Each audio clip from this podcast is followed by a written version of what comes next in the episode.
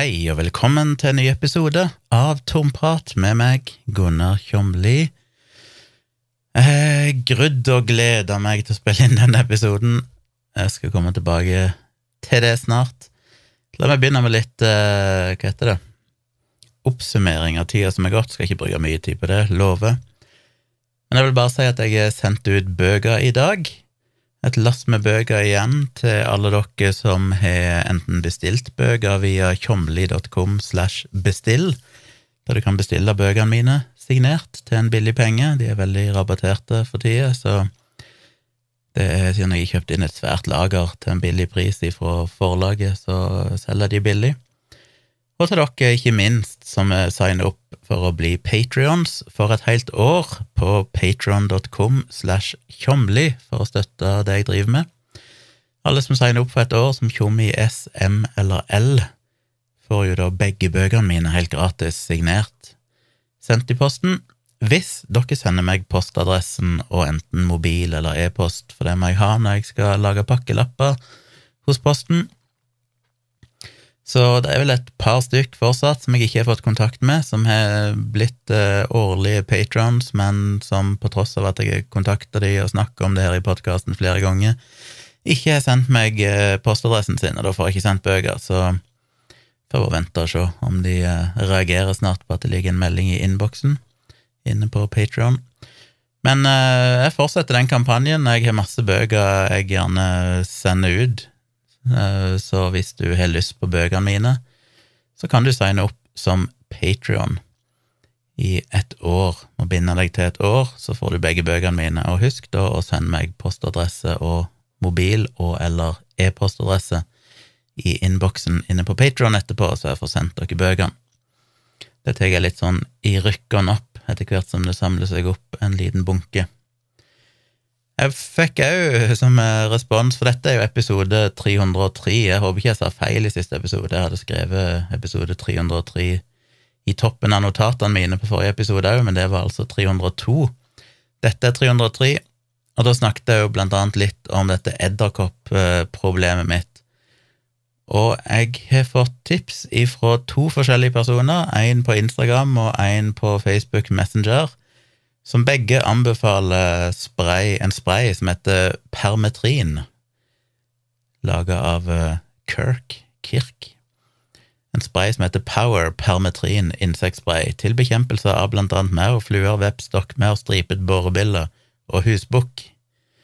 Ikke noe bilde av edderkopper der, og ikke nevnt noe edderkopper, men ifølge han ene som sendte meg, Jon Anders, så sier han iallfall at det er lite edderkopper hos deg, han bruker den eh, tre-fire ganger i året, rundt vinduer, inngangsparti og på verandaen, og litt rundt på hagemøbler, under tak, bla, bla, bla. Så vi får se. Nå er det jo kanskje feil tid på året. Ja ja, det skader ikke noe heller.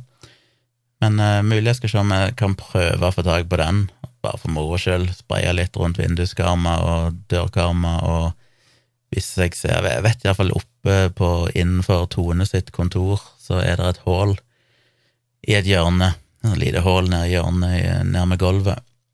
Og da vi var på visning i dette huset her for uh, omtrent uh, nøyaktig et år siden, så husker jeg at For det var jo huset helt tomt her. Husker jeg vi kom inn, og så satt det jo en av sånne gigantiske edderkoppene nede i hjørnet der i det hullet.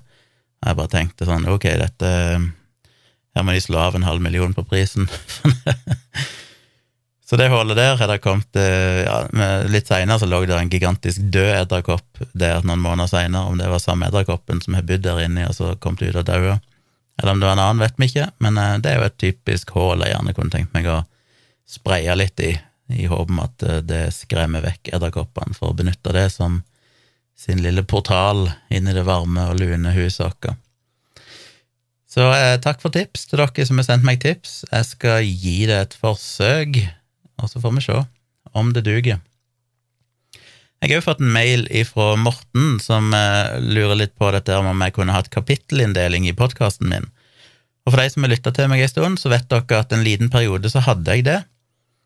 Eh, for det var noen andre som etterlyser det, så da tok jeg med det bryderiet at etter jeg spilte inn hver episode, så sitter jeg og tagger de forskjellige delene, sånn at du får en kapittelinndeling i podkast-appen som gjør at du kan hoppe direkte til forskjellige tema. Men så bytta jo podkastprodusenten vår, Moderne Media, de bytta podkastplattform, og jeg begynte å laste de opp der, så ble tydeligvis de kapittelinndelingene bare strippa vekk i en eller annen prosessering av lydfiler som jeg lasta opp. Så de forsvant, og jeg hadde først tenkt å bare fortsette med det i håp om at de på et eller annet tidspunkt kunne fikse det, og så reprosessere alle gamle episoder, sånn at de dukker opp igjen, disse podkastkapitlene. Men ettersom de ikke virka, og det tar meg ganske mye ekstra tid etter hver episode, så slutta jeg med det. Så jeg får se. Jeg ser definitivt behovet for det, for eh, det kan ofte være folk bare ønsker å høre på én ting jeg snakker om, eller hvis dere vil dele en episode og si 'hør eh, det Tjomli sier om dette', så er det jo kjekt å ha en sånn podkast-kapittel. Men det dere får gjøre inntil videre, det er heller å bare dele podkasten og si 'lytt ifra 47 minutter og 39 sekunder', der starter han å snakke om sånn og sånn. Så gjør det på den tungvinte måten, hvis dere skal dele. For egen lytting så så jeg har ikke noe løsning akkurat nå. Nå må jeg innrømme jeg har ikke testa i nyere tid om det har begynt å virke igjen, så jeg skal kanskje få gjort det en dag. Så det kan være det dukker opp igjen, men inntil, hvis det er sånn som det var før, så funker det rett og slett ikke på den podkastplattformen som er i bruk. Så det er ikke det at jeg ikke vil, men uh, det bare funker ikke. Vi var jo en liten tur i Oslo igjen. Det er jo nå i de siste månedene så er det jo blitt eh, ca. to turer til Oslo hver måned. Så det blir jo litt kjøring. Uh, hyggelig kjøretur inn. Hva var det vi gjorde? Ja, Vi kom inn på torsdag kveld, var det vel, hvis jeg ikke husker feil. Og så på fredagen så Vi hadde ikke noen spesielle planer denne gangen, så jeg eh, møtte en kompis på lørdagen. Møtte ei venninne på fredagen. Og ellers så skjedde det egentlig ikke så mye. Uh, ja, jeg møtte hun venninna alene på fredagen, og så på lørdagen traff jeg en kompis av meg, en gammel klassekamerat, og så uh, Seinere på kvelden så skulle jeg og Tone begge to møte hovedvenninna mi for å eh, spise middag sammen. Så vi gjorde det, men vi var litt usikre på hvor vi skulle gå, så vi tenkte like, Hun bue jo oppe med Alexander Kiellands plass, der som er hybel, så vi tenkte vi kan jo bare treffes der, og så finne et sted i nærheten. Og der er det primært to sånne um, utesteder eller restauranter en som heter Colonel Mustard, heter han vel, og den andre heter Tre stuer og bar. Irriterer meg alltid at han ikke heter Tre stuer og én bar, men han heter Tre stuer og bar. Så vi så litt på menyen, for det, Tone er jo veganer eh, og sånn, så det kan være litt tricky å finne en plass som har noe god mat som ikke inneholder kjøtt. Så vi gikk, eh, men vi endte opp på Tre stuer og bar, for der har vi spist før, ikke innendørs, men utendørs på uteserveringa deres, som er veldig trivelig. Vi gikk inn der, og det har jo blitt høstlig, så det var jo litt sånn kjølig. Det var ganske få folk der, selv om det var en lørdagskveld, så var det var relativt tidlig på kvelden, da. Jeg husker ikke helt når det var. Sju, åtte, åtte kanskje, åtte-ni. Et eller annet. Men det var iallfall relativt tomt der inne. Men de hadde vel døra åpen fordi de springer inn og ut til den uteserveringa med mat og drikke og sånn, så det var temmelig kaldt der inne. Og så var det altfor mye bråk med musikken, de spilte musikk. stort sett 80- og 90-tallsrock. Ja, både 70-, 80- og 90-tallsrock det gikk det vel stort sett i. Det var Guns N' Roses og Deep Purple og Bon Jovi og på rekke og rad. Ja, det var greit nok, men det var litt høyt. Eh, heldigvis så skrudde de ned lyden lite grann etter en liten stund av seg sjøl, men det er altså Jeg mener, ja, jeg Det, det blir ikke noe bedre når jeg er begynt å bli gammel òg. Nå er jeg jo 50 om to år. To år. Jesus. Tenk på det. 50 år om et par år. Det, det er faktisk litt sånn uh, skummelt å tenke på. Anyway, det hjelper jo ikke med det. Men i tillegg så har jeg alltid slitt med at det er bråkete en plass. Jeg har jo aldri likt å gå ut på byen fordi det er bråkete. Hvis jeg skulle på en date med noen, eller et eller annet sånt, eller bare treffe noen venner, så vil jeg jo alltid helst finne et sted der det er stille, sånn at det faktisk går an å prate. Men her var det ganske støyete, så vi tre satt der jo og bestilte noe mat og spiste og prøvde å prate, men det var slitsomt. Så etter vi hadde spist maten, i tillegg til at det var jævlig kaldt der inne, så etter å spise maten og sånn, så betalte vi, og så tenkte vi la ikke heller gå inn på den andre på Colonel Mustard. Nå sier jeg Colonel, men det uttales vel Colonel. Colonel Mustard. Colonel. Og grunnen til at det heter Colonel, selv om det staves kolonell, det så jeg faktisk en YouTube-video om her forleden, tror jeg. Eller jeg så det iallfall et eller annet sted. Kanskje det var en Instagram Reels eller noe sånt. Men at det visstnok opprinnelig kom fra fransk og var stava koronell, koronelle. Og så var det et eller annet om og men. Som når det kom til England, så ble det stava colonel, men de fortsatte å uttale det med r. For det var opprinnelig stava sånn. Så de endra stavinga skriftlig, men beholdt delvis uttalelsen fra den gamle måten å skrive det på. Så derfor uttales det colonel, selv om det staves colonel. Anyway, det var jo en, en digresjon. Så til de grader. Eh, vi gikk inn der på Colonel Mustard, og så eh, satte vi oss der. Han som sto i døra, var, virka ikke Jeg mener, her jeg kom med tre godt voksne mennesker som er komplett edru og ikke ser så veldig tvilsomme ut, tror jeg. Men Jesus, han var motvillig mot å slippe oss inn.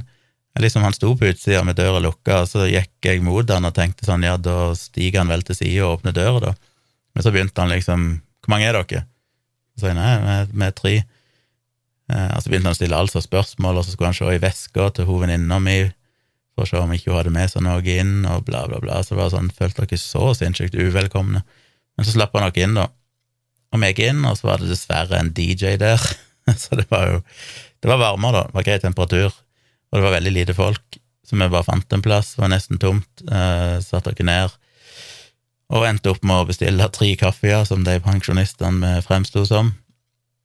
Eh, men det var slitsomt å prate der òg, for det var altfor høy musikk.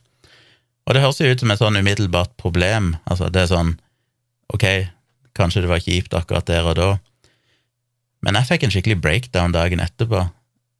Og det var nok to grunner til det. Det ene var jo det jeg skal snakke om etterpå, som var at jeg skrev en tweet tidligere på lørdagen, tror jeg det var, eh, som skapte litt reaksjoner.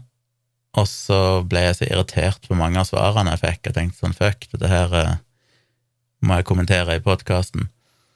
Eh, så det gikk liksom og gnagde på meg, så jeg var allerede i litt sånn dårlig humør. Og så ble jeg så sliten av den seansen med at det er høy musikk, fordi at jeg Jeg har lyst til å prate, jeg har lyst til at vi skal sitte der og prate og ha det trivelig, og så bare er det så vondt å prate når jeg føler at jeg må anstrenge meg for å bli hørt, og syns det er slitsomt å høre hva de andre sier. Og det var først dagen etterpå jeg virkelig merka det, for da, etter vi hadde liksom stått opp og spist og dusja sånn, så plutselig bare kollapsa jeg i senga i en sånn dyp uh, fortvilelse omtrent. Jeg bare sånn visste ikke hva som skjer. Jeg var bare, så tror jeg jeg slo meg etterpå når jeg fikk prosessert det litt, at jeg tror bare hjernen min var ja, det var litt sånn typisk for veldig introverte folk, at hvis de er sosiale, så går de helt i grøfta dagen etterpå og må liksom hente seg inn. Nå var jeg jo med, med samboeren min og ei god venninne, så det var ikke noe sånn sosialt slitsomt på den måten for min del. Men det var bare omgivelsene. Jeg tror det spilte inn, så jeg, jeg tror bare hele den seansen der gjorde meg sånn Ja, det bare tappa meg for energi. Så det er ganske ekstremt. Men det gikk over. Vi kjørte hjem etterpå, og det, humøret kom seg litt i løpet av turen hjemover. Uh, men over til Twitter, og det er det som har gjort at jeg har grua meg og gleda meg fordi Og litt av problemet her er at jeg skrev en tweet som svar på en annen tweet, men den opprinnelige tweeten oppdaga jeg nå, for jeg hadde lagra linken til den, sånn at jeg liksom hadde den opprinnelige tweeten, og så kunne du hente ut alle svar og, og sånn, og kommentere det. Jeg ser jo nå, når jeg gikk inn rett i stad før jeg begynte å spille inn og skulle hente opp den, uh, klikka på den linken til den tweeten, så var den sletta. Så det er jo litt kjipt. Det betyr jo at det er jo et tilnærma umulig å pusle sammen igjen hva som faktisk var dialogen. Det er det jeg hater med Twitter. Det er jo den her forgreininga av tweets og avstikkere, du får ingenting. Du får ikke, du får ikke noen ting i serie. Så jeg har bare sittet og gått gjennom notificationsene et stykke bakover i tid og bare sett på tweets som folk har lika eller retweeta eller svart på og sånne ting, og så klikka på dem for å klare å finne igjen ja, individuelle tweets. Eh, jeg skal ikke kommentere alt, men jeg fant iallfall noen av de viktigste, tror jeg, som jeg syns jeg hadde lyst til å kommentere. Så, nå spørs det jo om jeg klarer å Nå har jeg oppe masse faner her med forskjellige tweets, og mye av dette her ikke Den var sletta, den var tydelig sletta. Jeg bare liksom åpner disse tweetene i nye faner uten å se på dem, men når jeg nå går inn på dem, så får jeg bare hjemmefeeden på mange av dem, som betyr at den tweeten jeg eh, klikka på, tydeligvis er sletta, og da bare defaulter den til liksom feeden. Ja, det var mange av dem. Jesus, nå må jeg finne dem igjen på nytt. Men uh, det som kom med litt til redninga her nå, var jo atter en gang Raindrop, som jeg snakka om før, på raindrop.io. For det der hadde jeg eh, lagra denne linken, jeg tenkte at ok, dette skal jeg snakke om. Og den har jo da, hvis du har et betalt abonnement, som hva det fant ut det kosta, 300 kroner i året eller noe sånt, det er ganske billig, eh, da lagrer han òg en permanent copy. Så selv om han her sier at denne tweeten finnes ikke lenger, så kan du klikke på en knapp som heter permanent copy, og da får du en versjon som er blitt lagra av systemet her. Så får jeg iallfall henta ut den opprinnelige tweeten, altså noen få av svarene som tilfeldigvis han klarte å grabbe mens de var der. Og den opprinnelige tweeten var skrevet av uh, ei som heter Miriam, som delte to bilder ifra Nytt på Nytt. Det er altså bilde av uh, Bård Tufte Johansen på to bilder, og så er det tekstinga under, så du kan se hva han sa. I det første bildet så sier han denne uken er det premiere på teaterstykket der Jesus fremstilles som transperson. Og på det neste så står det Nå gjenstår det bare å fremstille Jesus som pedofil. Og så skriver hun Miriam som kommentar til dette, ja, for når vi inkluderer oss transfolk i ulike deler av samfunnet, så er neste steg å inkludere pedofile, vet du. Og når jeg leste den, så er det klart det trigger meg litt. Eh, fordi jeg har jo snakka mye, jeg har skrevet mye om dette med pedofile, og jeg syns det er alltid interessant å pirke litt borti akkurat det. Men jeg var usikker på skal jeg gidde å svare, for det er jo sånn det blir når du har vært på Twitter i noen år, så vet du at skriver du et eller annet, så er det jo alltid et sjansespill om plutselig noen blir trigga av det, og så eskalerer det, og så tenker du sånn åh, hvorfor gadd jeg å skrive noe i det hele tatt? Men så følte jeg jo at ja, men det er jo viktig å skrive noe om det. Så jeg svarte Hva var det jeg svarte, egentlig? Det er jo det store spørsmålet her. Jeg svarte vel eh, teit vits, ja, men hvorfor skal man ikke inkludere pedofile i neste steg?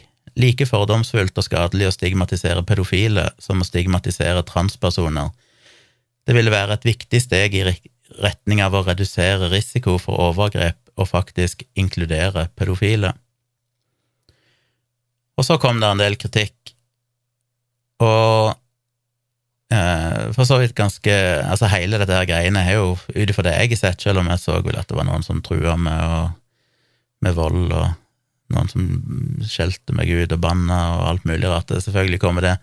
Mest av det ser jeg ikke, for jeg har jo på dette kvalitetsfilteret på Twitter som jeg anbefaler alle å skru på, som basically gjør at alt av sånn tweets fra kontoer med få følgere, eller kontoer som er nye, eller kontoer som er litt rapportert ofte, jeg vet ikke hvilke kriterier de bruker, men det er iallfall effektive kriterier for å stort sett skjule Ikke skjule, du kan se dem hvis du klikker deg inn på dem, men du får ikke notifications om det, og de dukker ikke opp i feeden din med mindre du aktivt liksom klikker deg inn i en tråd og begynner å lese alt nedover. Så da får jeg stort sett bare se de svarene som er fra litt seriøse kontoer, eh, selv om de angriper meg eller er uenige kritiserer meg, det er jo helt fair, men at det iallfall er kontoer som er seriøse. Så det kom mye dritt òg, selvfølgelig, og det er folk som har skrevet til meg på Instagram og på Messenger og skjeller meg ut, men det får så være. Eh, grunnen til at de gjør det, er jo det som var årsaken til den initielle saklige kritikken jeg fikk, og som gjorde at jeg endte opp med å beklage og si at jeg beklager til Miriam at jeg kritiserte henne, fordi selvfølgelig så er det jo det evinnelige dilemmaet som jo har fulgt meg i alle år, i alt jeg har skrevet om dette, det er jo det at folk har en Ja, det er vel todelt. Ene at en del tror jo at pedofil beskriver en handling. Altså at når du sier at noen er pedofil, så sier du i praksis at dette er en person som har begått overgrep mot barn. Eh, de skjønner ikke at pedofili er en parafili, eventuelt en diagnose eller legning. De lærde strides vel, selv om vel ICD, diagnosemanualen ICD, tror jeg vel kategoriserer det som en parafili nå, Det kan jo endre seg. Men en parafili betyr basically en slags fetisj. Eh, det å tenne seksuelt på gummistøvler, for eksempel, er vel en parafili. Eh, det å tenne òg på eldre mennesker, hva er det det heter? Ger geriatrifili? Nei, jeg vet ikke. Eh, det er jo òg en greie, folk som tenner på veldig gamle mennesker seksuelt og alt dette her, så det, per nå så er jo det klassifisert sånn, men en vet jo ikke. Det er jo interessant i et behandlingsperspektiv, selvfølgelig, for hvis det er en parafili, så insinuerer det at det kan behandles, at det er en slags tillært uh, fetisj som kan skyldes erfaringer du har hatt i oppveksten, eller et eller annet sånt. Uh, det er alltid interessant å sette seg inn i hvorfor folk med sterke seksuelle fetisjer eh, tenner på ofte det vi vil oppfatte som rare ting. Altså ofte når du går og graver i det, så kan det være en eller annen, et eller annet de opplevde i barndommen som de assosierer da med et eller annet. ikke sant? Så det, det, kan være en eller annen sånn grunn til det.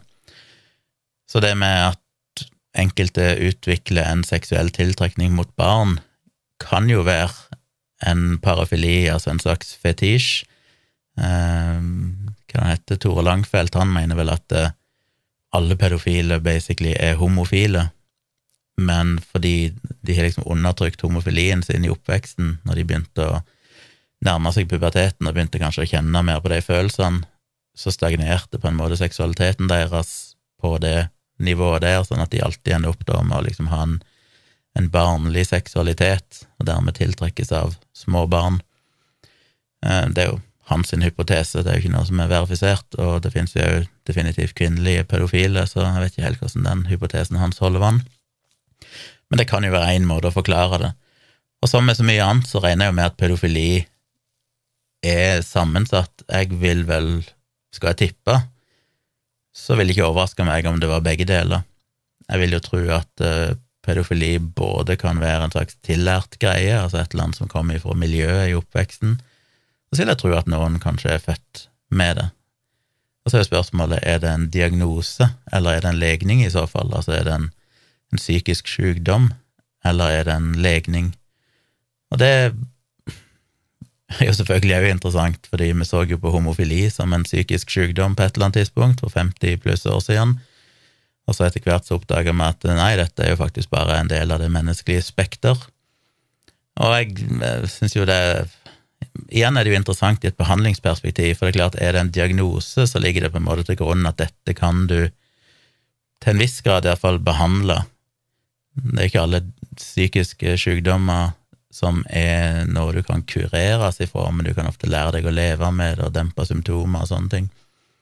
Hvis det derimot er en legning, så vil det jo for det første være umulig å behandle på samme måte som at du kan ikke konvertere pedofile til å bli heterofile.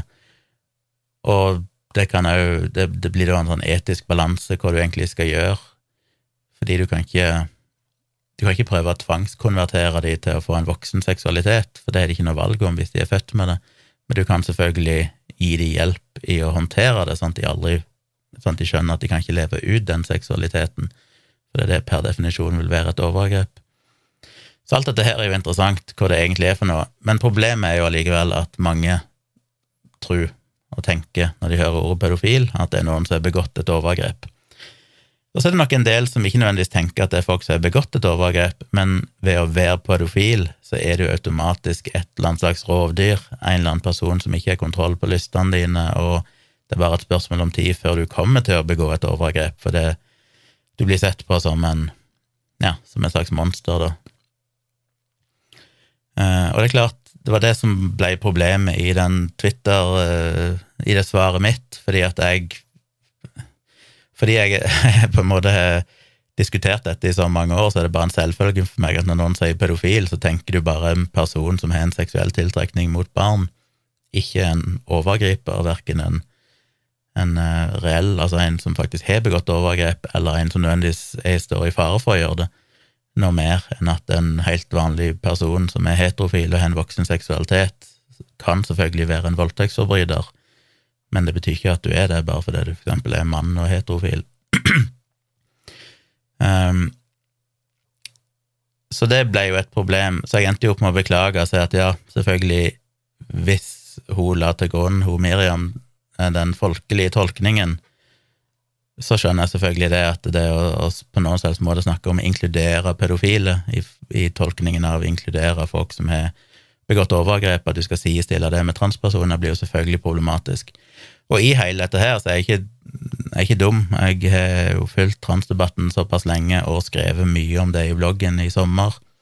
Nettopp det med, med grooming-anklager og pedobeskyldninger mot transpersoner, så jeg er jo 100% informert og innforstått med med den konteksten, og derfor så skjønte jeg jo selvfølgelig hva hun mente når hun skrev den tweeten, og jeg var veldig skuffa over Nytt på Nytt, som kunne dra fram det som en slags vits, for det er jo et såpass skadelig tema å, å dra fram, ettersom det er en, en sammenligning transkritikere faktisk bruker, eller transfobe bruker, nemlig dette med at transpersoner er ja, ene at de er potensielle overgripere sjøl, av diverse årsaker. En annen ting at det er snakk om å flytte grenser. Hvis du først inkluderer og aksepterer at noen, en mann kan kalle seg kvinne, så hva blir det neste? Skal vi da inkludere pedofile òg? Skal alt plutselig være greit?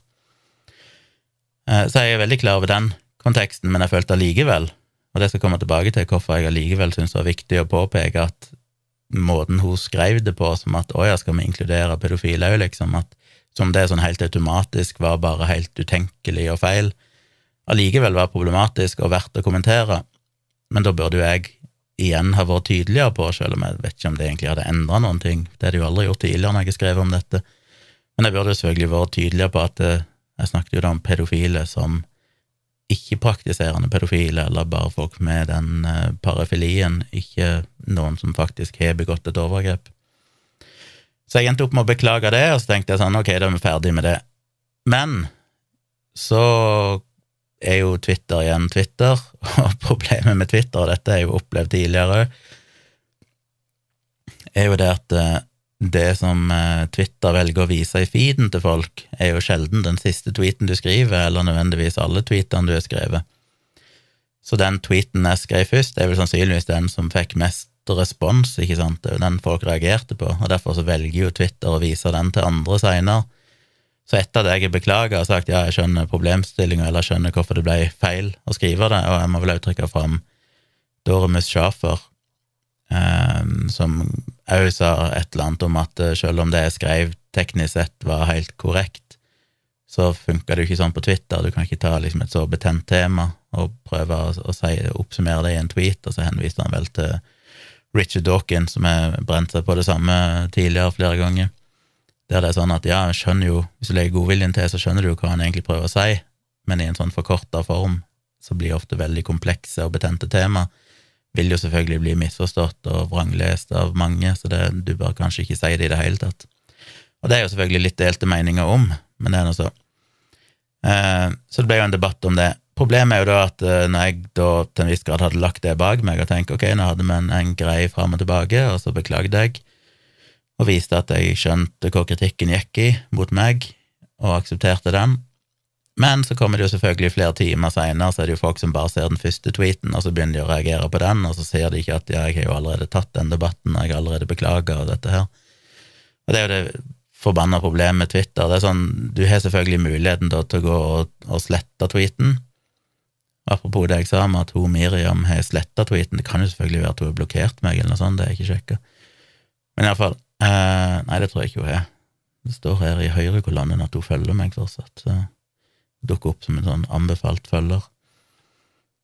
Så det er mulig at hun bare ikke orker det styret, og det skjønner jeg. Og Derfor er jeg jo lei meg for at jeg skapte det oppstyret. Men når jeg egentlig hadde lagt bak meg saken, så fortsetter jo folk å kommentere på dette, og da kommer det jo en del ting som jeg blir irritert på, og for så vidt noen av de første tweetene òg, selv om jeg endte opp med å beklage, så var jeg fortsatt litt sånn Ja. Og så er det jo det dilemmaet da med at når Dormus Schæfer sier at dette her er liksom for komplekst tema til å ta på Twitter, så blir du litt fanga, for da er det sånn at ja, ok, jeg skjønner det, men hva skal jeg da gjøre når folk kommer og kritiserer meg og misforstår og sånn etterpå? Skal jeg da la være å svare, fordi at uh, dette er jo egentlig for komplekst? Og så er det jo folk som både liker tweeten til Dorme Schæfer, som sier at dette er for komplekst, og så samtidig kritiserer meg. Så de er både enige om at dette er for komplekst å ta på Twitter, men de forbeholder seg retten til å likevel gå inn i debatten på Twitter, og dermed egentlig gjør det umulig for meg å svare, fordi De har jo både sagt at denne debatten kan ikke jeg ta på Twitter, samtidig som de da vil angripe meg. Så det blir jo veldig vanskelig, så jeg må liksom bare sitte på hendene og tenke ok, dette her skal jeg ikke, jeg skal ikke kommentere, jeg skal heller ta det på podkasten, som jeg òg skrev i en tidlig tweet, at uh, jeg fikk heller utdype videre i podkasten. Så um, Skal vi se om jeg finner igjen noen av uh, poengene her. Det ene poenget var jo det at det var flere som trakk fram at å, dette kommer jo transatere til å skjermdumpe og bruke eh, mot meg i andre debatter og bla, bla, bla. Jeg mener, det plager meg jo absolutt ingenting. Eh, det har jeg jo levd med i, i 15 år, og det jeg alltid funnet ut, at uh, de må gjerne angripe meg og kalle meg alt mulig slags dritt, men til syvende og sist så tror jeg alltid de debattene har vært av det positive, i den forstand at det har gjort det mulig å, å spre informasjon om et sånt tema. Uh, det tror jeg òg skjedde i denne debatten, at uh, det å kunne svare, og det at det var flere andre òg som svarte ting som jeg ville ha svart hvis jeg hadde deltatt, og forklarte ting, det tror jeg jo er folkeopplysning for alle. Så jeg tror ikke det er negativt sånn sett. Um, skal vi se Ja, det kom jo selvfølgelig Det var en som skrev uh, Han har faen meg helt blåst. Hans edle deler burde vært lagt mellom steiner som han dunket sammen for å slippe at idioten formerer seg, men det går jo ikke i 2022. Det er jo hyggelig. Men skal vi se Hvor var vi hen? Om jeg klarer å finne um, Nei, nesten alle tweetene jeg egentlig hadde lyst til å kommentere, er jo blitt sletta. Men uh, bare for, jeg får bare ta det for hukommelsen, men en av de tingene som irriterte meg veldig, det var at det var flere som påpekte at ja, uh, de var i prinsippet enig med poenget mitt, at de var enige med at pedofile òg har rett på å behandle oss med respekt, uh, og vi trenger Ja, for det er jo det som er det underliggende her, ikke sant, det som jeg er mye om i alle år, mye basert på ja, mye forskning. eh, både på pedofile generelt sett, eh, hovedoppgaven som hun psykologen Kirstin Holtmoen Reserland skrev, som tar for seg dette, og som hun har snakka mye om i andre sammenhenger. Eh, Pål Grøndal, psykologspesialist, eller hva han er for noe, som har snakka mye om dette, som er en av Norges fremste, mm, mest kunnskapsrike folk når det gjelder akkurat dette her temaet. Og dette er jo alle fagpersoner enig i, jeg følger jo flere internasjonale fagpersoner på dette temaet, men helt uavhengig av pedofili og risikoen for overgrep, så vet vi jo dette fra all annen kriminalitet. Vi vet det fra terror, radikalisering eh, innenfor islamister Altså hva som helst. Eh, kriminalitet generelt sett blir jo gjerne begått av folk som havner på utsida, folk som føler utenforskap, som, ikke, som føler skam. Så vi vet jo det, at det å drive og stigmatisere folk med denne legningen eller parafilien eller hva det er for noe, bidrar jo nettopp til at disse folkene føler så mye skam at for det første, de risikerer jo å skade seg sjøl, det er jo ganske høy andel, regner jeg med, og jeg har jo fått en del personlige historier tilsendt på mail fra folk som har en seksuell tiltrekning, tiltrekning mot barn, som har prøvd å ta livet sitt opptil flere ganger, og så videre. Så det er veldig, veldig trist for de personene sjøl, svekker livskvaliteten deres, men det gjør det jo veldig vanskelig å søke hjelp du har ingen du kan snakke med, fordi du kan jo ikke ta det opp, verken med familie eller dine nærmeste venner, eller til og med ikke med helsepersonell, fordi det er så mange som ikke har kunnskap om det, du er redd for at det skal bli rapportert til politiet eller et eller annet, eller alt mulig rart. Så det, det er jo det som gjør det så vanskelig. Vi har jo skapt en tilstand der vi alle er veldig opptatt av dette med overgrep mot barn, at det ikke skal skje, og så skaper vi en kultur rundt dette temaet som gjør at de folkene vi er redde for, selv om igjen må jo understrekes igjen at det er jo et mindretall av de som forgriper seg på barn som faktisk er pedofile. Det er som regel helt andre årsaker til at barn blir utsatt for overgrep, enn at personen er pedofil. Men uh, selvfølgelig er det pedofile da, som har liksom fått den merkelappen, så det er lettest å snakke om det. Vi har altså skapt en kultur der de ikke kan få den hjelpen som kunne ha gjort at det var mye mindre sjanse for at de endte opp med å forgripe seg på barn fordi de faktisk kunne prate med, med, noen, de kunne søke hjelp uten å føle risiko for at de skulle ja, ende opp i politiets søkelys, eller bare føle seg latterliggjort, eller hva det måtte være. Hate. så det er jo ganske ironisk at vi aldri helt klarer å komme forbi det. Jeg tror nok vi beveger oss en del, men når du ser responsen igjen på en sånn tweet som dette, så viser det jo bare igjen at det som er det aller, aller viktigste for veldig mange folk, det er å vise en personlig avsky eh, overfor pedofile, fordi det markerer liksom at de er moralsk høyverdige, at de tar avstand fra overgrep mot barn, som jo er ganske så ufattelig talentløst, for det er vel omtrent den laveste liste du kan komme deg over i, i, i å fronte din egen moral. Sånn, se her, jeg er så moralsk, jeg tar avstand fra at barn blir voldtatt. Sånn, hvis, du, hvis, det er viktig for deg å måtte fronte, da lurer jeg på hvordan moralen din egentlig er. Um, hvis du syns det liksom er høyverdig på et eller annet vis, og ikke bare en absolutt selvfølge. Men ja, så det Det er jo Gjerne glemte egentlig hvor jeg var hen, men iallfall. Så en av de tingene som virkelig irriterte meg, var at det ble trukket fram av flere at vi må ikke blande disse temaene. Transpersoner og skeive har sin kamp, og pedofile er en De var liksom enige med meg at det er jo en viktig kamp, dette med menneskeverd og behandling og sånn, men det er liksom en separat kamp. Og det var der jeg egentlig ble mest provosert, for det er litt sånn ja vel, er det virkelig sånn her i verden at vi kan si at nei, men jeg er nok med mitt, så dere andre, dere får bare klare dere sjøl.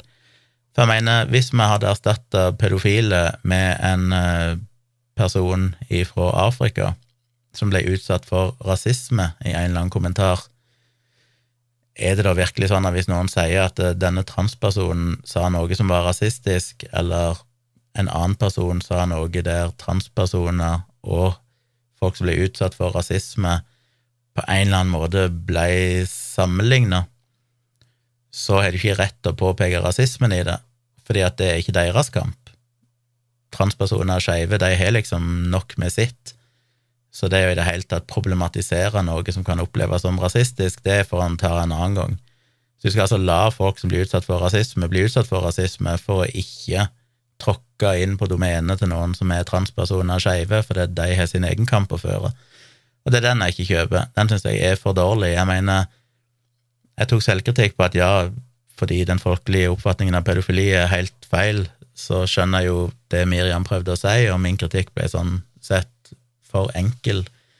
Den hadde i så fall krevd en bloggpost.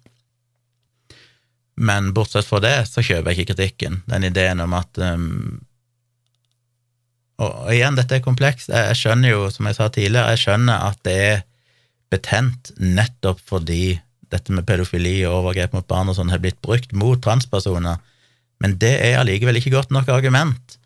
Igjen, prøv holdt å si jødetesten, prøv rasismetesten på det samme.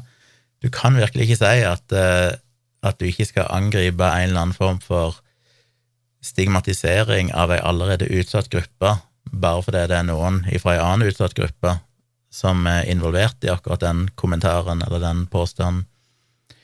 Og det syns jeg var den er det så mange som kjøper, for alle liksom er enige. sånn, Ja, vi støtter transpersoner, vi støtter skeives kamp, og det gjør jo jeg òg, i aller høyeste grad. Det er jo det jeg har skrevet så mye om i det siste, og fått så mye pepper nettopp for det. Men da kan ikke jeg si at sånn, å nei, fordi at jeg blir utsatt for masse dritt, så vil ikke jeg lenger forsvare transpersoner eller skeives rettigheter. Jeg har mine ting, jeg, jeg, er opptatt av andre ting, så det er liksom min greie.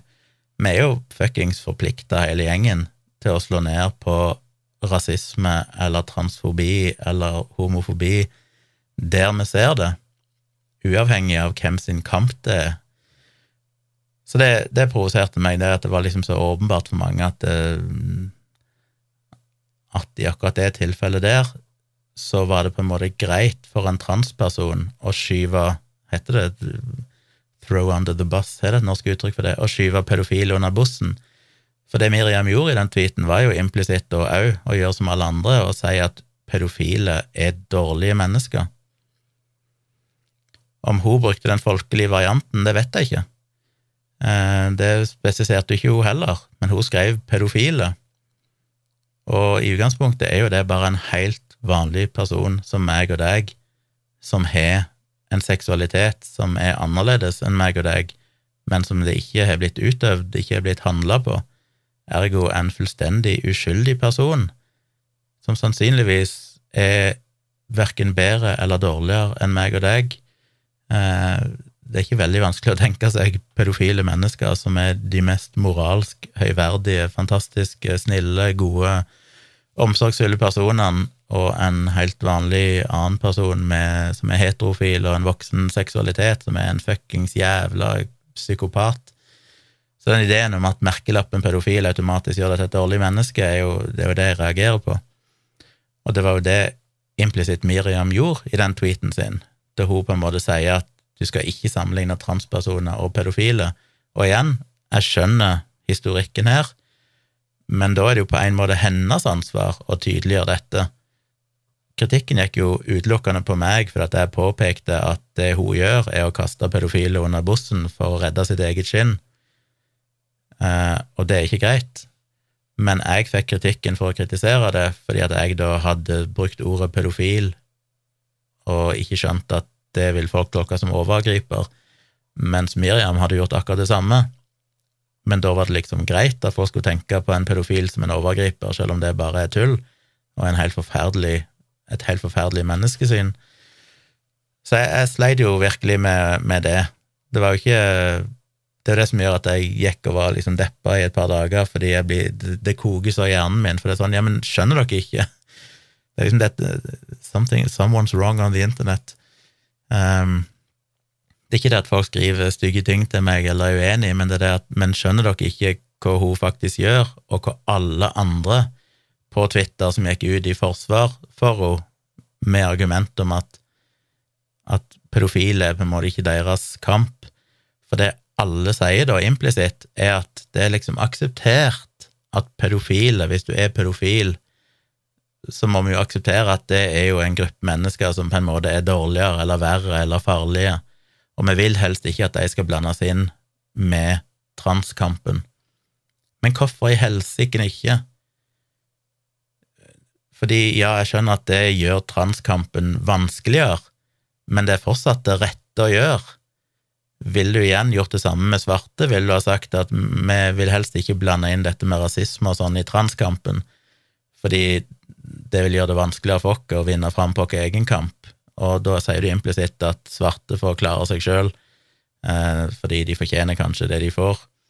Og det er jo det som ligger inni dette her. Det er en slags Uansett hvor bra folk det er som har kommentert her, og ikke nødvendigvis har kritisert meg, men bare liksom eller de har jo kritisert meg, men det er jo ikke det at jeg har noe problem med den kritikken, for den er i utgangspunktet vært helt saklig og fair, eh, bortsett fra at den egentlig ikke er fair, fordi at det virker som at det, det er sånn selvfølgelig for absolutt alle i den diskusjonen her at underforstått så er pedofile dårligere mennesker. Så la ikke helst ikke blande dem inn.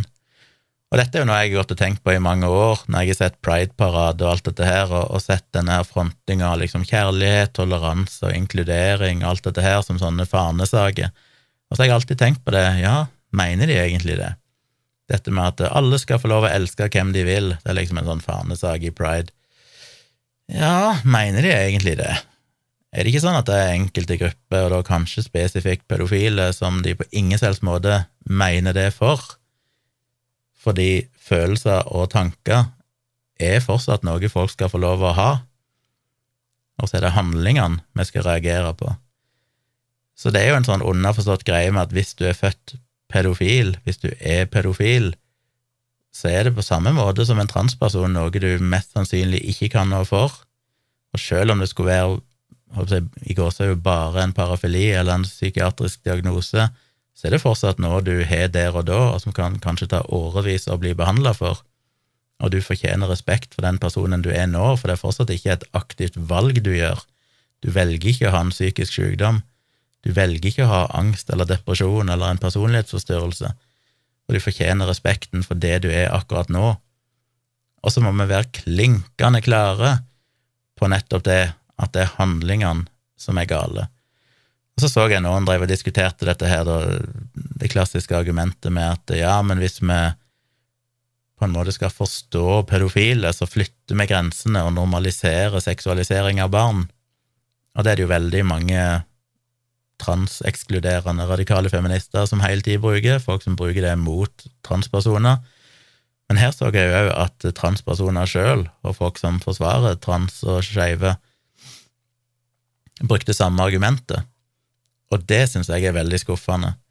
Når det er folk som nettopp sjøl har opplevd å være i den situasjonen der ikke deres identitet blir eh, forstått, der de blir eh, svartmalt, der de blir stigmatisert for den de er, når de da begynner å mistenkeliggjøre det å være pedofil som at ja, men hvis vi behandler dem med respekt, hvis vi på en måte snakker om pedofili bare som en, en diagnose eller parafili og noe som skal behandles, og ikke bare eksplisitt fordømmes og ønsker at folk skal bli torturert og drept og utstøtt fra samfunnet, vil ikke det da være en slags aksept for en normalisering av seksuell tiltrekning, tiltrekning mot barn, eller seksualisering av barn? Og det syns jeg er en veldig Jeg vet ikke, jeg, jeg syns det er en veldig rar måte å tenke på, fordi de taler jo så ekstremt mot seg sjøl. For nå har jo transpersoner i alle tider kjempa mot påstanden om at hvis vi la hvis vi aksepterer det at noen skal få lov å skifte kjønn, vil ikke det da føre til en epidemi av folk som skal skifte kjønn? Og så har jo de sagt nei, det er ikke sånn det fungerer, dette er noe som faktisk er genuint, dette er, det, det er sånn jeg er født, dette er ikke noe jeg bare gjør fordi det er kult, liksom. Og så går de ut og gjør akkurat det samme når det gjelder pedofile. Og det andre er jo det at å forgripe seg på barn er jo universelt eh, fordømt, og det er vel tilnærma selvfølgelig med variasjoner i seksuell lavalder og sånn, men uavhengig av det juridiske, så er det veldig få samfunn, iallfall i den si, vestlige delen av verden, som på noen selvs måte tillater sex med mindreårige, og enda mindre moralsk aksepterer det. Den ideen om at hvis vi eh, på en måte omfavner pedofile og sier vi skjønner at dette må være et helvete å leve med, men du er fortsatt et menneske, du er fortsatt uskyldig, vi ønsker at du skal kunne få hjelp hvis du ønsker det, og alt dette her, så det er det samme som å si at nei, men da aksepterer vi seksualisering av barn, er for meg en helt sånn Det er både en idiotisk ting å påstå, det er ikke noe dekning for at det er sånn verden fungerer, det ville vært helt absurd om det skulle være sånn, men det er jo et sånn enormt selvskudd for transpersoner, som jo nettopp har prøvd å argumentere mot den samme slags smitteeffekten for sin egen kamp. Så det er veldig, veldig skuffende. Og igjen bærer det bare preg av at til og med folk som er transpersoner og skeive, og som har hatt denne kampen i alle tiår, og gjerne hele sitt eget liv for sin egen del, har veldig lett for å finne ei gruppe som de allikevel går ut mot, som de aksepterer at, at vi ser ned på. Og det er jo det som ligger i alle disse tweetene. Det er sånn, ja, intellektuelt sett så er jeg enig i at pedofile skal få behandling og bla, bla, bla men vi kan allikevel ikke inkludere de i denne kampen som transpersoner og skeive må ta, fordi det vil på en måte forsøple vårt budskap, og det vil mistenkeliggjøre oss. Ja, det gjør det jo bare hvis vi fortsetter å akseptere at folk flest tror at det å være pedofil betyr det samme som at du er en potensiell overgriper eller er en aktiv overgriper, som ikke stemmer. Så her er jo virkelig, virkelig mange mennesker nødt til å, å ta en runde med seg sjøl på kammerset, fordi de har på en måte de rette meningene, og det gjelder jo folk som i utgangspunktet forsvarte meg, men allikevel liksom var enig i at du måtte holde dette med pedofile utenfor. Det ligger jo et eller annet under i holdningene til alle i hop om at eh, de klarer ikke helt å se på pedofile som et vanlig menneske. Og så er det jo, når det kommer disse her uh, terfene som begynner å skrive dritt, sånn som hun ene som skrev uh, har fortsatt hun quote uh, retweeta meg, altså hun inkluderte hele tweeten min, den første jeg hadde, og skriver har fortsatt ikke sett Nytt på nytt, men Twitter skuffer aldri, stakkars Miriam som fikk tjommen her. Og så skriver hun hva mener psykologspesialister om pedos, altså i parentes maps, for de som blir lei seg?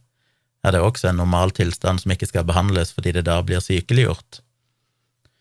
Så igjen en sånn latterliggjøring, da, der hun skriver selvfølgelig kaller de for pedos, og så skriver hun i parentes MAPS for de som blir lei seg. Altså MAPS er jo minor attracted person, som jo er den mer moderne terminologien.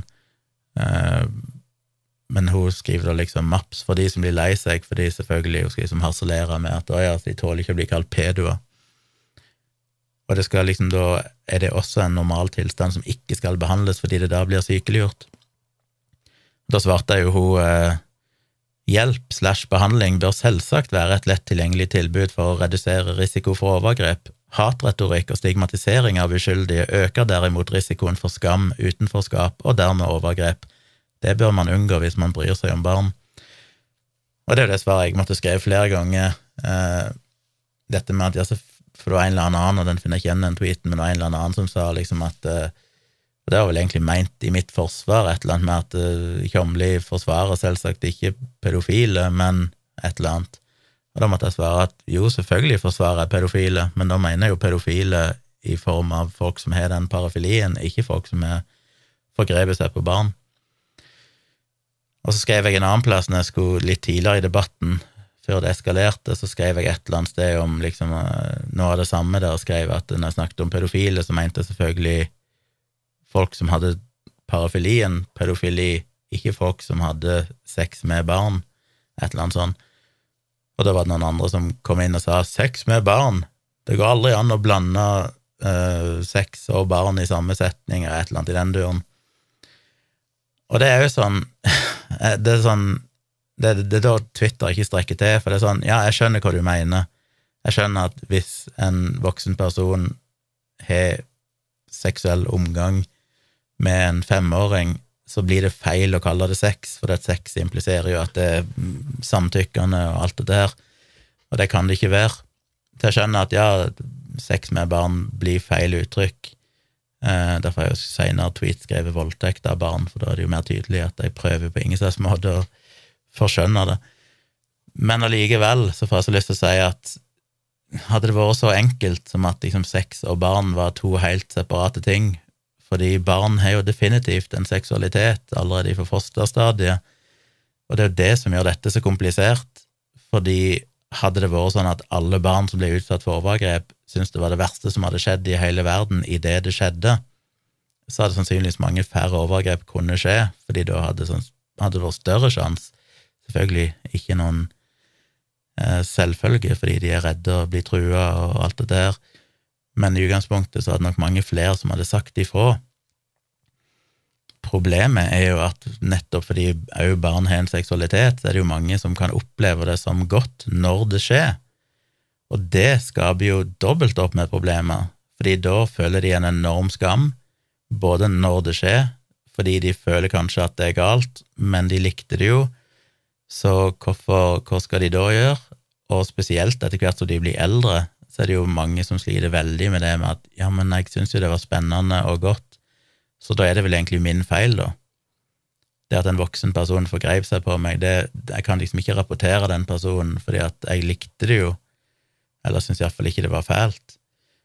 Så selvfølgelig har barn en seksualitet, og det er jo det som gjør dette her fryktelig, fryktelig komplisert, og skaper det der ekstra laget av skam for mange som blir utsatt for overgrep, nettopp fordi de ikke bare føler det som avskyelig.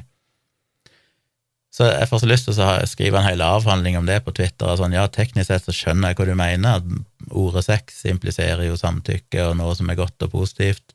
Det er ikke relevant når det gjelder sex med barn men samtidig så kan du ikke si at sex ikke er relevant i denne saken, eh, eller barns seksualitet, fordi barn har en seksualitet, og det kompliserer alt, og det er mye av årsaken til, til problemet her òg.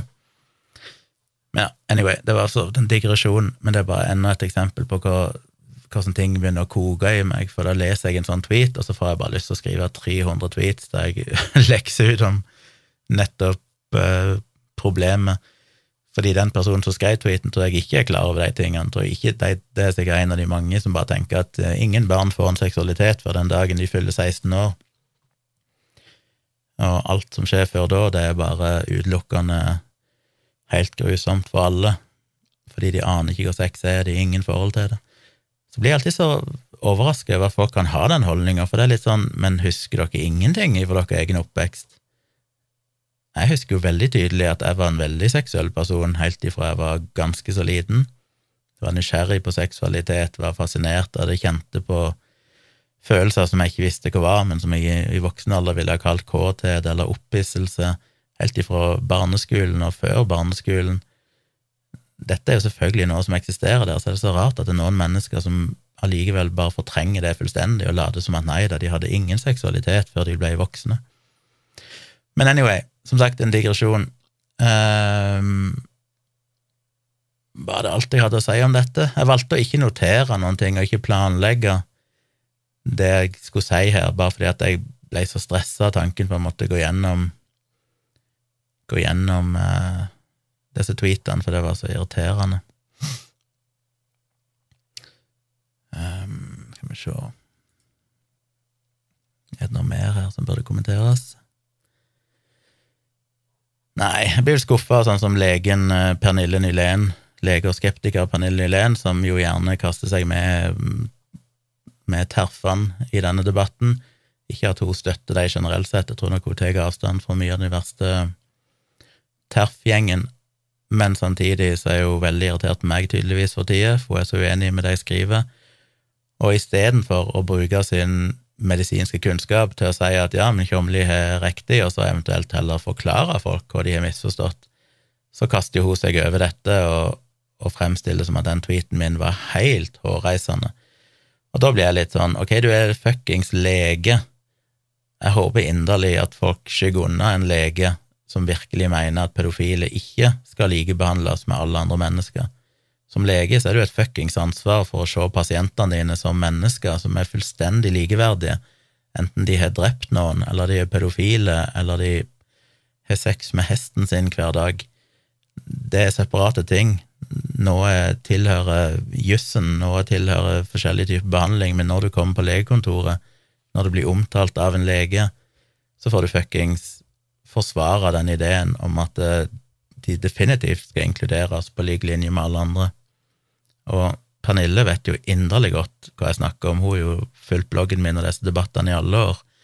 Hun er jo 100% innforstått med at selvfølgelig mener jeg ikke pedofile i forstand, i, i forstand av overgripere, men av folk med parafilien eller diagnosen eller legningen, og likevel så er jo mer enn villig til å liksom Ja, eh, det bare skuffer meg, så det var en annen lege òg, men han er jo en, en, gjennomført idiot, jeg skal ikke navnet hans, men han er jo bare en av de verste sånne eh, islamofobe, smårasistiske, grusomme menneskene på Twitter som òg er lege, og det er det alltid, jeg blir alltid ekstra skuffa når det er folk med en høyere utdanning som ikke bare en høyere utdanning, som om du var eh, et eller annet høyt utdannet arkitekt, holdt jeg på å si, men høyt utdannet innenfor et felt som primært burde handle om medmenneskelighet, og det å se at alle mennesker har sine problemer, alle fortjener å bli tatt på alvor og bli likebehandla, og så er det noen sånne fuckings legegjøker som ikke tar fem øre for å ytre rasistiske ting, og, og igjen her, da, angripe noen som prøver å si, som det jeg gjorde, at pedofile òg skal likebehandles. Fordi de er ikke noen verre eller mennesker enn hvem som helst andre før de ender opp med å begå et overgrep. Så jeg blir veldig, veldig skuffa av at eh, noen mennesker, fordi de har en slags beef mot meg, velger å spille dumme bare for å kunne kaste seg med. Jeg hadde forventa mer av Pernille Lillén enn akkurat det. Um, ja, det er sikkert mye her jeg eh, kunne tatt tak i, men jeg, som sagt, det har blitt sletta, og tråden er forsvunnet, så det Men det viktigste er iallfall til syvende og sist oppsummeringen av alt. Uansett om folk forsvarte meg eller ikke, så var det en undertone i de aller fleste tweetene om at ja, pedofile fortjener å få behandling, men ja, i akkurat dette tilfellet så er vi villige til å ofre dem så lenge det ikke påvirker kampen til, til skeive og transpersoner, fordi til syvende og sist så er vi ganske skeptiske til pedofile. Og det syns jeg er en ganske horribel uh, holdning å ha til mennesker som ikke har gjort noen ting galt, og sannsynligvis vokst opp i et liv som er minst like vanskelig som det å være transperson, og i aller høyeste grad fortjener forståelse og empati og alle muligheter til å få den hjelpen de trenger. Så det var vel en liten rant om dette. Jeg hoppet sikkert over masse ting som jeg har stått og tenkt på de siste dagene, og så har jeg ikke notert det ned, for jeg var altfor irritert og deprimert av, av å gå rundt og tenke på det. og bare tenkte å få ta alle tweetene når de kommer, men så var jeg ikke forberedt på at tweeten, den opprinnelige trådstarten, ble sletta i mellomtid. Så da burde jeg jo ha tatt screenshots og alt dette her, men det gjorde jeg ikke, så da ble det som det ble. Men hvis du er innspill til det jeg har sagt, eh, skriv gjerne til meg på tompratpodkast at gmail.com, enten du er uenig eller enig. Eh, vet ikke om jeg er så keen på at dere plutselig begynner å kommentere det jeg har sagt her på Twitter, ikke for det er for all del, hvis dere har all rett til å gjøre det, men da ender vi jo bare opp i samme situasjon igjen, med at dette egentlig er for komplekst til å ta på Twitter, og hvis noen plutselig skriver et eller annet på Twitter, og folk ikke har hørt podkasten min eller sett den opprinnelige debatten, så blir det bare feil igjen. Så da er det mye bedre at dere heller mailer meg, og så kan jeg heller adressere det i en neste episode, så vi kan liksom få gjort det på en ryddig måte. Det setter jeg mest pris på. Eh, jeg skal snakke om én ting til før vi gir oss, og det er en Jeg eh, skal bare lukke ned alle disse fanene her med tweets. Og det er en uh, artikkel av Steven Novella på nettstedet sciencebasedmedicine.org, som jeg jo stadig vekk refererer til, som jeg har i RSS-feeden min, og som alle egentlig burde følge. For der uh, blir det skrevet fryktelig mye bra. En av de beste kildene til fornuftig informasjon på nettet. Og grunnen til at jeg hengte meg opp i denne, det er en, eh, en tekst Steven Novella har skrevet 31. august i år, som heter Healthcare Costs of Air Pollution. Og Grunnen til at jeg hengte meg litt opp i den, er bare fordi at uh, han innleder jo med å skrive In 2016 I wrote about the effect of air pollution on health, altså bla, bla, bla. Og den brukte jo jeg ganske mye, eller den refererte jeg til å hente litt data og tall ifra da jeg skrev boken min, Håndbok i krisemaksimering, for der skriver jeg jo litt om nettopp eh, Ja, i det, det handler jo om dette med kjernekraftverk, eller kjernekraft, eh, og frykten vi har for det og sånn, hvordan vi er livredde for det vi har hørt om Tsjernobyl og Fukushima og bla, bla, bla, mens hvis en virkelig begynner å se på hvor mange som egentlig dør av at vi brenner fossile brennstoff, så stiller jo det alltid et veldig annerledes lys. Så da trakk jeg fram en del tall for den. Nå sier han at eh, det har blitt gjort en ny analyse, eller ny eh, studie, som har oppdatert de tallene litt. For de tallene fra den studien han skrev om i 2016, så hadde de sett på helserelaterte kostnader til luftforurensning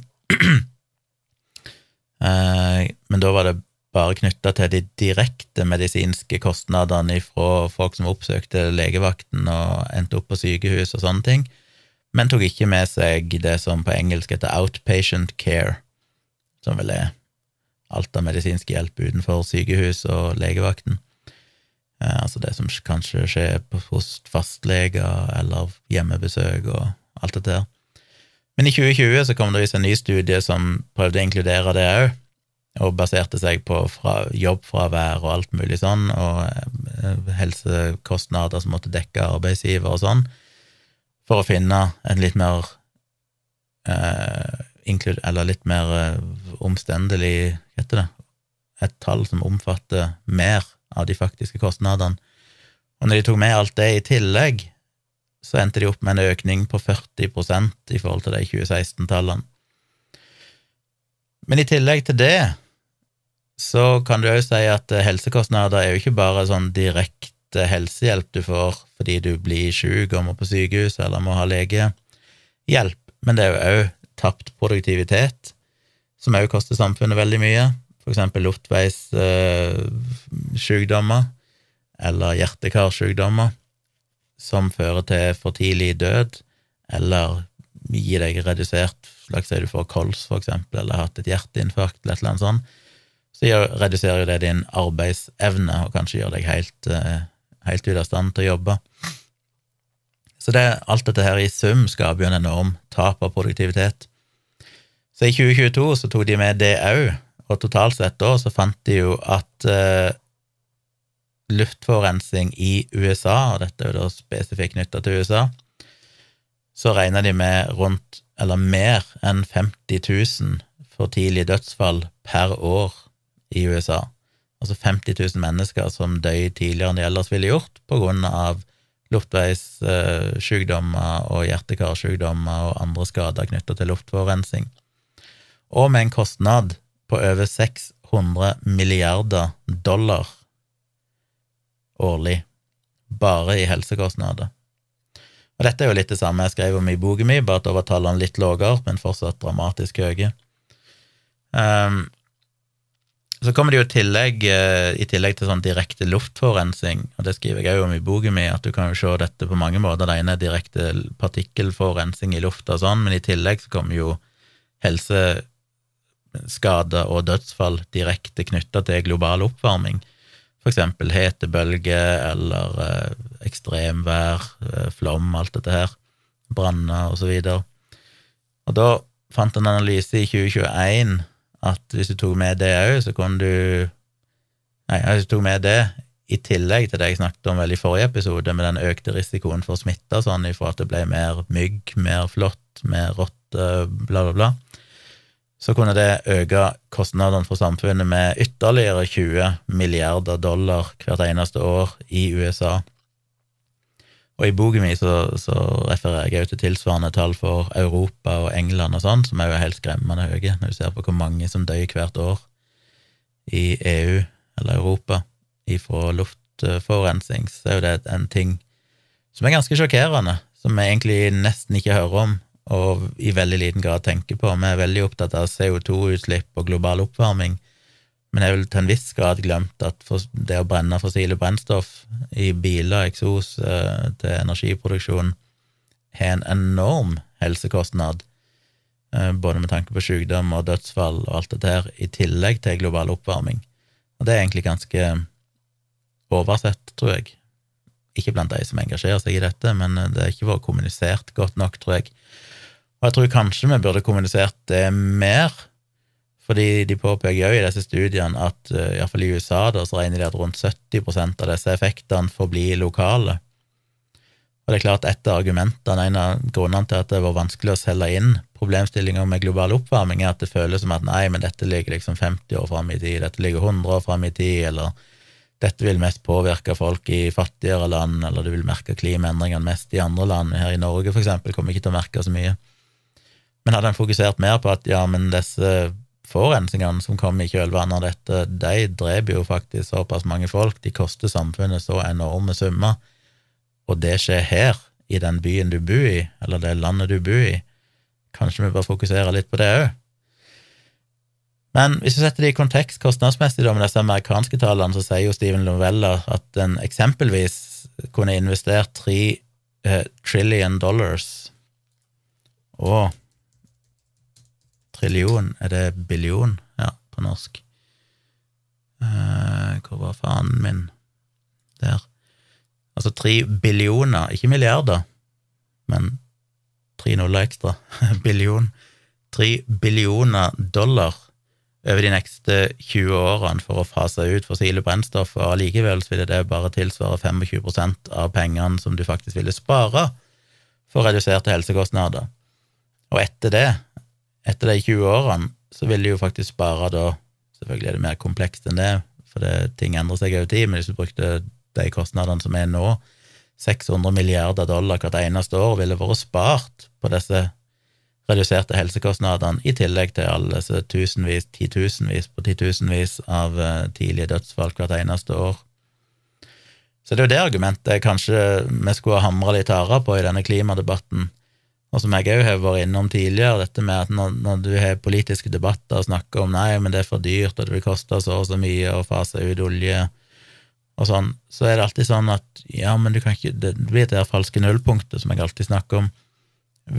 Ja, det er en kostnad der, men hvilke kostnader sparer du? Altså hva reduserer du i kostnader ved å gjøre den endringen? Og nå vet ikke jeg hvordan det er i Norge. Norge er vel ikke helt sammenlignbart med USA, spesielt fordi vi nå iallfall har mange flere elbiler og sånn, og vi har, mindre trafikk i bykjerner og sånn, sikkert enn de fleste amerikanske byer, selv om det varierer litt rundt forbi der òg.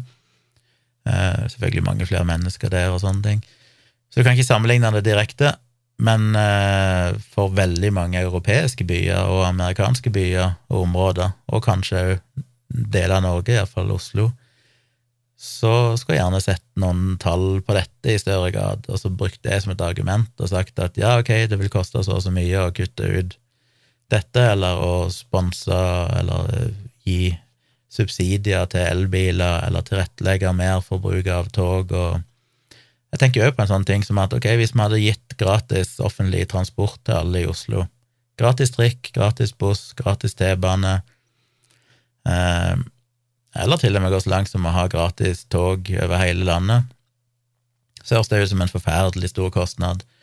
Men igjen, hvis en regner på men hva vil det spare i biltrafikk, og hvor mange liv vil det spare, og hvor mange kostnader i redusert eh, helseskade vil vi faktisk få igjen for det, så jeg er ikke så sikker på at det hadde vært en netto kostnad for samfunnet.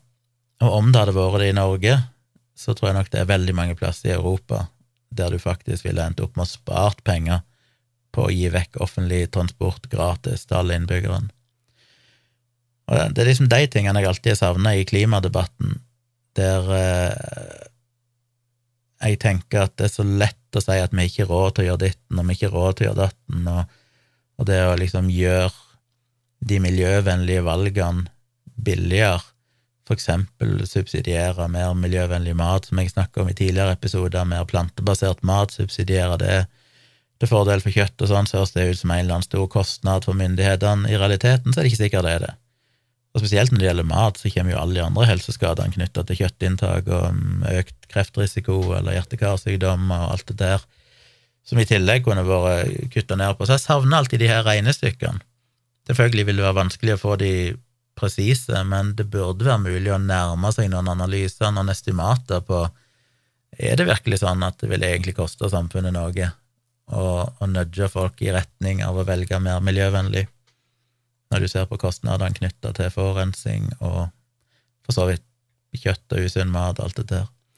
Usikker på det, og jeg skulle ønske det hadde vært gjort et større arbeid med å regne ut de tallene og sette de opp mot hverandre. Um, ja, det var vel egentlig det jeg hadde å si om den. Eh, jeg skal lenke til artikkelen, selvfølgelig. Skal se om jeg finner tror jeg jeg skrev om dette, det som jeg eh, skrev om i boka, det tror jeg jeg har brukt i en bloggpost et eller annet sted, så jeg skal se om jeg finner det igjen. Man kan lenke til den òg, så kan dere få et lite innblikk i argumentasjonen i boka mi om akkurat dette med kjernekraftverk og forurensning og sånne ting. Det var vel alt. Jeg vil, an, jeg vil slutte med noen anbefalinger. Og jeg har ikke så veldig mye å anbefale. Men uh, meg og Tone har begynt å se på en serie som jeg tror den går på Apple TV pluss, den òg. Som jo fryktelig mange gode serier gjør. Som heter Bad Sisters. Som jeg leste en del bra om, og tenkte la ikke sjekke ut den. Uh, jeg var helt overbevist om at den var amerikansk av en eller annen grunn, så jeg fikk litt sjokk når jeg så at den var irsk når alt kom til alt. Er ikke irsk? Jo, det er irsk. Jo. Eh, første episode er litt kjedelig. Så hvis du ser en episode og tenker sånn, jeg vet ikke om dette er noe for meg, så se òg episode nummer to. For det første episode så bruker de mye tid på å bare etablere karakterene, som jo er en søstergjeng, søsterflokk. Hvor mange er de? Fem? Fire? Fem? Søstre. og på en måte introdusere dem. Så det er litt vanskelig å forstå akkurat hva som foregår. Men det er først i andre episode at det liksom begynner å skjønne ok, det er dette det handler om. og så har den vært veldig kul, egentlig. Vi har vel sett uh, det fire episoder vi har sett, som vel er alle som er kommet så langt, så nå må vi jo vente ei uke på neste. Apple TV pleier vel å slippe nye episoder på fredagene. Så den vil jeg anbefale. Den er ganske kul. Eh, jeg vet ikke om jeg skal si så mye om den, anten at eh, den er jo Den er vel karakterisert som et drama, men det er jo en slags krimdrama, litt, litt humoristisk. Eh, litt interessant. Du vet ikke hva som kommer til å skje. Spennende. Tidvis nesten utholdelig å se på, for det er sånn Å, dette her kommer ikke til å gå bra. Så sjekk ut den. Bad Sisters. Tror det er Apple TV pluss vil jeg anbefale en ny episode som vi slapp tidligere i dag, av Virkelig grusomt, som jo er podkasten til meg og min samboer Tone, der vi denne gangen snakker om eh, Tenerife-flykatastrofen, som jo er den mest dødelige flykatastrofen i historien, og går gjennom den kronologisk, holdt jeg på å si, forteller den historien. Men det var episode 75, så vi har jo da 75 grusomme historier ifra virkeligheten. Alt ifra eh, mord og drap og tortur og naturkatastrofer og dykkerulykker og alt mulig rart. Vi er innom bilulykker, flykapringer og mye, som alle er grusomme. Så sjekk ut Det virkelig grusomt, den finner du òg alle plasser der podkaster finnes, hvis ikke du har gjort det før. Og så en liten eh, positiv ting på slutten for min del. Det er jo at på onsdag så er det jo den årlige Apple store iPhone videre, lanseringa fra Apple. Og det er jo alltid julaften for meg. Jeg kjøpte jo faktisk ikke ny mobil i fjor, ny iPhone. Det er det første året etter at jeg Jeg begynte vel med iPhone 3G, var det det han het? Var det 3GS, noe sånt jeg begynte med. En av de, en av de første der.